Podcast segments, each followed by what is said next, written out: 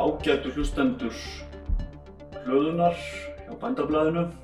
Þetta er hraðast þátturinn Víða ratað og þið eruð að hlusta á Svein Margersson sem er stjórnandi þáttarins. Hjá mér eru Hatta Björk Gísladóttir og Haugur Snorrason sem eru staðahaldarar á Hrífunesi. Ég fekk að dvelja hjá þeim hérna í veljastingum eina nótt og sá þar mjög áhugaverða bók um matvæli og ljósmyndun eða Food and Photography sem var gefin út árið 2019 og mér langaði til að, taka þau í pínu spjallum svona það sem þau hafa verið að gera varðandi nýsköpun í ferðarþjónustu og, og það matvæla tengdri ferðarþjónustu og svona það sem er framöndan á þessum COVID-19 tímum í íslenskri ferðarþjónustu. Sælverið og verið velkominn. Já, sem er leið, verður velkominn. Takk. Það var rosa fínt að gista hjá okkur og, og maturinn afskaplega góður. Viljið þið segja mér kannski aðeins af bakgrunnum? Hvað var til þess að þið störtuðu svona flottri ferðarþjónustu hér?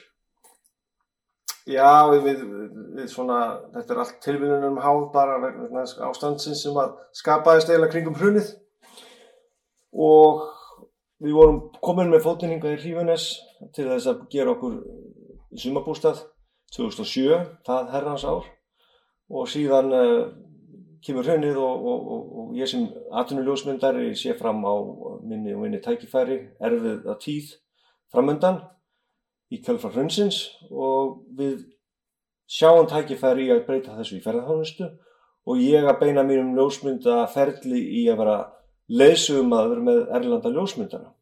Og þú ert leðsugumadur búinn að taka það nám líka eða hvað? Já, já, ég, ég fór í, í, lesugaskólan í Kópavogi hérna 2007 þegar ég áttaði mig á því og búin að taka nokkra ferðir að ég þurfti að vita mikið meira um landi til að geta verið að skila þessu vel að mér sko.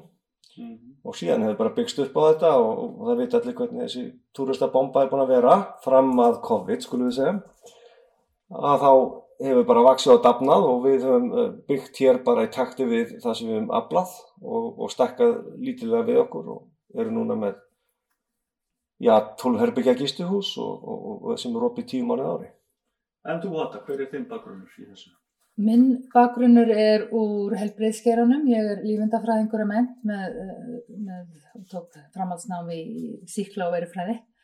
En uh, ég var á þessum tíma að vinna fyrir alþjóðlegt lífafyrirtæki sem í markastörfum þar og en he, það hefur alltaf blundað í mér mikill matar, matgæðingur og allt sem að við kemur mat og sulta og tínaber og, og, og svona sapna í sarpin, það finnst mér mjög heillandi. Þannig að ég hafði gríðarlegan áhuga á þessu að, að byggja hérna upp lítið gistihús og gera eitthvað með þetta og, og svona við sáum þarna tækifæri að við gætum unnið saman, ég og Haugur, hann sem leið sögumadur og, og ég sem eldabuska hérna í sveitinni að taka móti fólki. Og saman ákváðu við þá að stopna ferðarskristofu sem að sérhafi sig í ljósmyndaferðu og við erum búin að vera að vinna að því að hún var sem að stopna árið 2009 og ég var eftir sem áður að vinna áfram hjá lififyrirtækinu en, en sagt, hætti störfum þar 2011 og fór alfarið inn í þennan business að, að, að keira semst ferðarskristu og reyka gistuhús. Og matsölu ekki satt? Jú, jú, við erum hérna okkar gestir, við erum náttúrulega 30-40 km frá næsta bæ og þannig að þú skreppur ekkert út á, á næsta veitingastað Þannig að, og ég held í rauninni byrjun að ég væri bara að opna gistingu og með morgumat en, en svo fóru gestinni náttúrulega að byggja um eitthvað meira og spurðu hvort ég væri ekki til í að elda eitthvað og eitthvað íslenskt. Og jú, það var ekkert mál og, og, og síðan hef ég nú bara elda hérna á, nánast, við erum með kvöldmat hérna fyrir núna 25-30 manns á hverju kvöldi hérna yfir, yfir opnuna tíman okkar. Og svo ég haldi mig aðeins á, á svona matarstíknum þegar að, þegar að gestir koma hérna hvers konar matur er það sem, að, sem er að bóðstofn? Við erum nær eins mikið við getum að bjóða upp á Íslands tráfni við eldum lamp og fisk.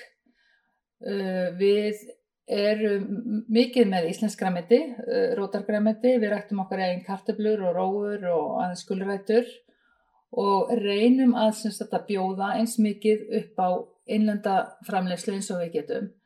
En við höfum mjög gaman að því að elda þetta á framandi máta og ég veit ekkert skemmtilegra en, en að fara á kryddmarkaði þegar ég er að, að flakka um heiminn og koma heim með svona kryddblöndur og, og þannig að við eldum eh, þetta, og sem sem notum þetta hráefni en eldum það á jafnvel asískan, arabískan bara einsan máta og það finnst okkur gestum mjög skemmtilegt. Það er einmitt svolítið skemmtilega svona tenging svona þegar ég fletti bókin ykkar uh, hvað maður að segja, þessi upplifun bræðlökana annars vegar og svo augans hins vegar. Haukur, þú ert með ljósmyndunina. Mm. Hvaða máli skiptir þetta að, að, að, að þínu mati svona þetta, þetta samhengi fyrir, ég maður að segja, ljósmyndarinn sem er búin að fara með þér hérna um hálendið, kemur svo og smakkar Íslands lamb sem að hefur nú gengið á, á sömu slóðum. Mm. Skiptir þetta máli?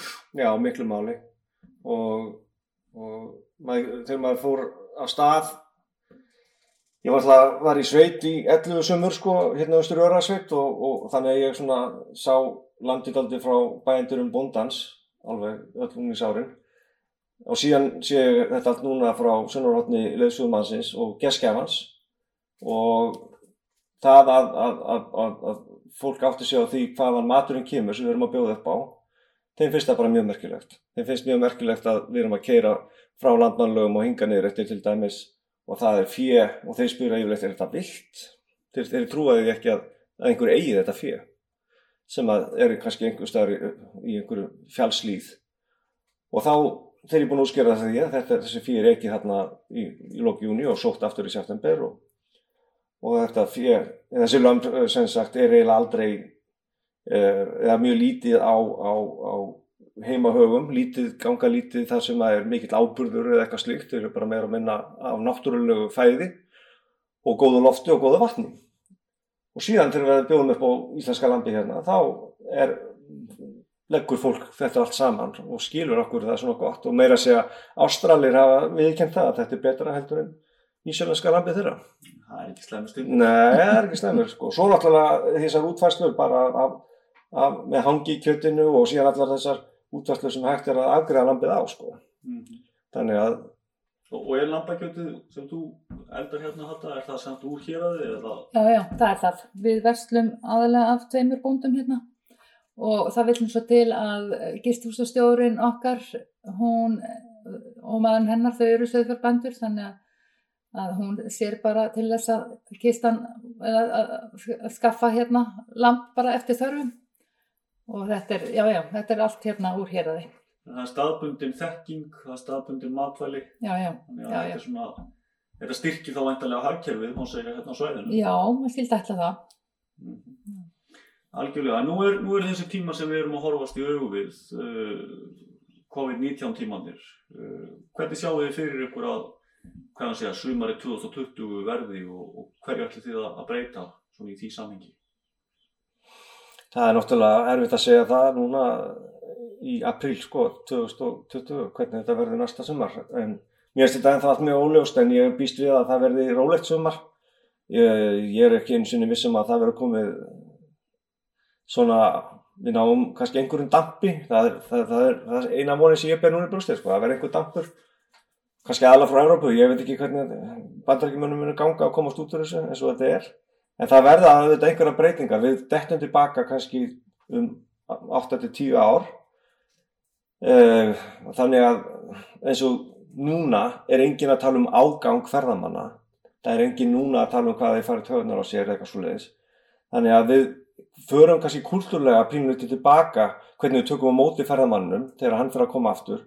Þá heldur við að gera það svona jættul á þroskari og betri hátt því að allir innviði núna eru tilbúnir eins og þeir voru ekki tilbúnir 2010-11 þannig að þetta verður svona auðveldara og, og við verum bara betri geskjafar í öllu leiti En í íslenski ferðamaðurinn, nú er fólk hvað til að ferðast hérna á Íslandi sumari 2020? Já, nú er bara nú er stór stórkoslega tækifæri fyrir Íslendinga að förast um eigilandi ár vegna þess að nú bara eigum við landi fyrir okkur sjálf það er nú oft líka, það, það er gott og slæmt við mikið af ferðamönnum en, en auðvitað tóku þeir yfir daldi landsvæðin og, og gistingarnar og hótelin og allt það og, en núna fáum við íslendingar sem þess að tækifæri til að nýta innviðina sem eru og þeir sem að sjá tækifæri í að, að laða til sín íslendinga ætti að gera það alveg hygglust því að ég veit að íslendingar eru þýstu til að ferast í Eilandi og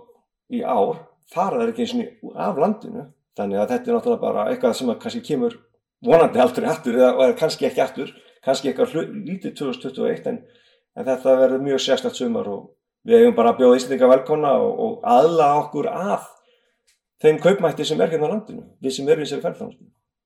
Við getum einfallega ekki haldið þeim verðum upp í, ég, sem að, við, sem að hafa verið nótuð þegar að eftirspörnin var mikið meiri láfið þetta með frambúð. Og þið eru að stíga skref í, í þess að við erum ekki svo? Jú, við erum að því. Við, hérna í april, við döldum dálta mikið í hrífunis í april, bara við það að ditta á mála og reyna að hugsa og, og, og, og núlstill okkur aðeins. Þetta er náttúrulega gríðalegt áfall þegar að allir gestinni sem voru hérna hörfu hver, hverja öðrum og síðan dundu afbókonir yfir og svona hálfgest svart tjald bara fór að falla niður en þá kemur alltaf þessi þörfa að bjarga sér og, sjá einhver ný tækifæri og við fórum að henda með okkur humundum hérna, svona andtöku nótt hérna í setinu og, og vaknum stemma og fáum okkur bara gott kaffi og mín reynsla hérna af afréttunum til dæmis er þannig að, að ég sé yfirleitt ekki mikið íslendingum þar yfir síma tíman. Þeir eru kannski þús mörg og svona en þeir eru ekki hérna á afréttunum og gríðarlega mörg tækifæri og skemmtileg til að fara með íslenska hópahætnu uppbyttir þar sem þarf breyta bíla, það þarf sérkunnáttu og, og svona þekkingu á svæðinu. Og þarna líka tækifæri að sína íslendingum eitthvað sem að þeir hafa ekkert verið yfirleitt að sjá. Meira að segja fólk sem er vant göngum og ganga kannski laugavegin og eitthvað svona. Að þetta fólk er tilbúið að sjá eitthvað nýjan hlut á Íslandi og hann er hérna fyrir ofan okkur í hífunissi og þar alveg endi komið hugmynd hjá okkur hættu að vera með þryggja daga ferð og, og, og fólk gistir hér í þránættur og við gerum dagsferður á þessa staði. Eh, þannig að þetta er allt úr þægilegt. Þú gistir upp á búinu rúmum, það er mataröfluðan á kvöldin og svo farður mjög skemmtilega og, og uh, jeppaferðir og líka lettgöngur og gönguferðir um fjöll og dali og staði sem að fára sér nema kannski smalamenn. Mm. og talandu um smalamenn, mataröfluðunin verður hún Já, já, já, já við, við munum náttúrulega tjálta því sem við eigum og gerum best hérna og verðum að sjálfsögðu bara með okkar mat og, og, og uppskriftir og, og gerum vel við okkar gesti. Mhm. Já, við kannski stingum eitthvað en líka bara, líka villibráðinni. Ég er, er að veiða gæsir hérna í nærsveitunum og það eru þetta elda á ymsa máta eða og grafa og reykja og alls konar og þannig að við ætlum að vera bjóða upp á það. Það er nú svona hlunnindi mm -hmm. Og það er nú áhérna rétt hjá sem er oft sjóbyrtingur í. Þannig að það er svona, það er mögulegið að vera bara mjög skemmtilega mat. En er, er ekki með tækifæri í þessu, eða hver er eitthvað skoðun á því, varðandi villibráðina og svona bara náðu utanum íslenska matvælaframlegslu og þá matvælaframlegslu á, á svæðinu. Er þetta að gera ennþá meira úr þessu á þessum tímum? Nú er gengið veikst talsvört, þannig að það er aðeins sterkari samkjöfnistaðaga hvort innflutningi. Hva, hvert liggur leiðin í þessu þetta? Já, sjálfsögðu er hægt að nýta villibráðina og, og allt þetta dásanlega kjött sem við eigum hérna við allan að það kvarlar ekki á okkur að fara að kaupa eitthvað annað og innflutt mm -hmm. og ég held að við getum verið óbáslega stolt af því sem að og matnum sem er framleitur hér á landi þetta er bara með því betra og, og gestirnur okkar er alveg sammála um það þannig að já, auðvitað eigum við bara að, að halda áfram að einbetta okkur að þessu að matar auðinum sem við eigum hérna á Íslandi, ekkert bara ekkert hér á Suðurlandi bara um land allt og, og, og er bara stolt af því að, að bjóða þetta fram og líka til Íslendinga. Mm. En hvað þurfum við til þess að þetta þróist áfram? Nú er, nú er kannski eitt af hvað maður segja, bjóð upp á lambakjöt úr, úr héraði eða, eða einstaka villibráð. En ef maður horfir á þetta svona í stærra samhengi og þá ekki kannski bara hrífunes, heldur ferðarþjónustan uh, og þá maturaframleyslan, hvernig geta þessar tvær greinar unni betur saman? Það er skoðanir á því. Sko ég held að vinna nú ágætlega saman en, um, en sko það þarf að gera í, í kjölfar svona áfalla eins og þetta, þetta COVID ætlar að vera og kreppan sem er að fara, við erum að fara inn í og þá þarf, þurfa stjórnvöld einfallega að gera til dæmis græmitisbændum auðveldara með að rækta græmiti. Þetta, þeir eru búin að kvart undan háur rafasverði í fjölda ára og mjög slítið að hlusta á það. Nú er tækifæri til að koma þeim hluta betur á stað og auka það framlöslu og, og er raun og veru hvað sem er sem ættir að gera í, í gróður húsum. Og er, síðan náttúrulega er bara að púka undir okkar megin atvinnum vegi. Og, og þannig að við getum veitt fisk og veitt kjötmeti og, og þurfum ekki að, að, að hafa áhyggjur af, af, af því að þetta sé einhvern veginn alltaf dýrt. Mm. þannig að hótelin fara að leita eitthvað annað. Og, og þannig að mér finnst, mér finnst að það þarf að bara að við þurfum að taka aðeins utanum landið og atvinnuvegina og svona hjálpa þeim og fylgja þeim e, þannig að, að þeir réttu kútnum fljótt og, þetta, og kannski þá í framtíðinni við verðum svona sjálfbærari með, með alla hluti. Einn ein parturinn í þessu sem við náttúrulega verið talað um í samhengi í fæðarþjónustunar er til að mynda ja, leiðsögu mennska og, og hvaða leiði þarf til þess. Er það ekki rétt hjá mér að, að leiðsögu maður er ekki lögvenda starfsefti í dag eða hvað? Jú, það er alveg rétt, það er ekkert lögvenda og það er sálega sér hver sem er koma og, og og leiðsega hérna í Íslandi og, og við vitum það alveg að koma heilu rúturnar með, með Smyrilæn og, og, og þeir komi í bústöruna og þeir komi með einhverja leiðsögumenn sem að ég veit ekki hvort það hafa komið til Íslands eins og tísar og vinna ofta á mjög lágum launum og í sanketni við bara okkur íslendingana.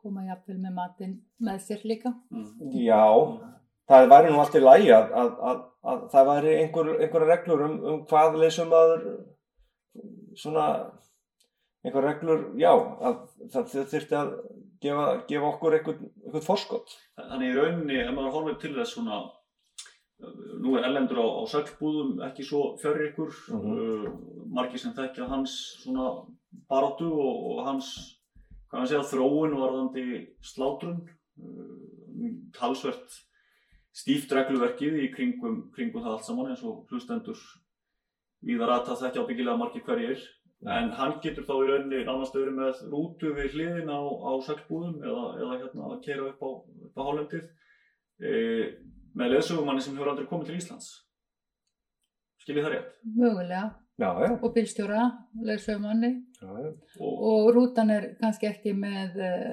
rekstraleifi eða, eða leifi íslenska stjórnvalda til fólksflutninga þetta er allt reglur sem við þurfum að fylla mm. Íslenski ferðarþjónustöðar er það að segja? Já, já. Er, er ekki ástæða til að, að horfa inn í þetta og, og svona, hvað maður segja, styðja þá við íslenska matalaframleðendur og þá ferðarþjónustöðari sem hafa verið að gera, gera þessa hluti vel hér og jafna þessa samkeppnistöðu? Algjörlega.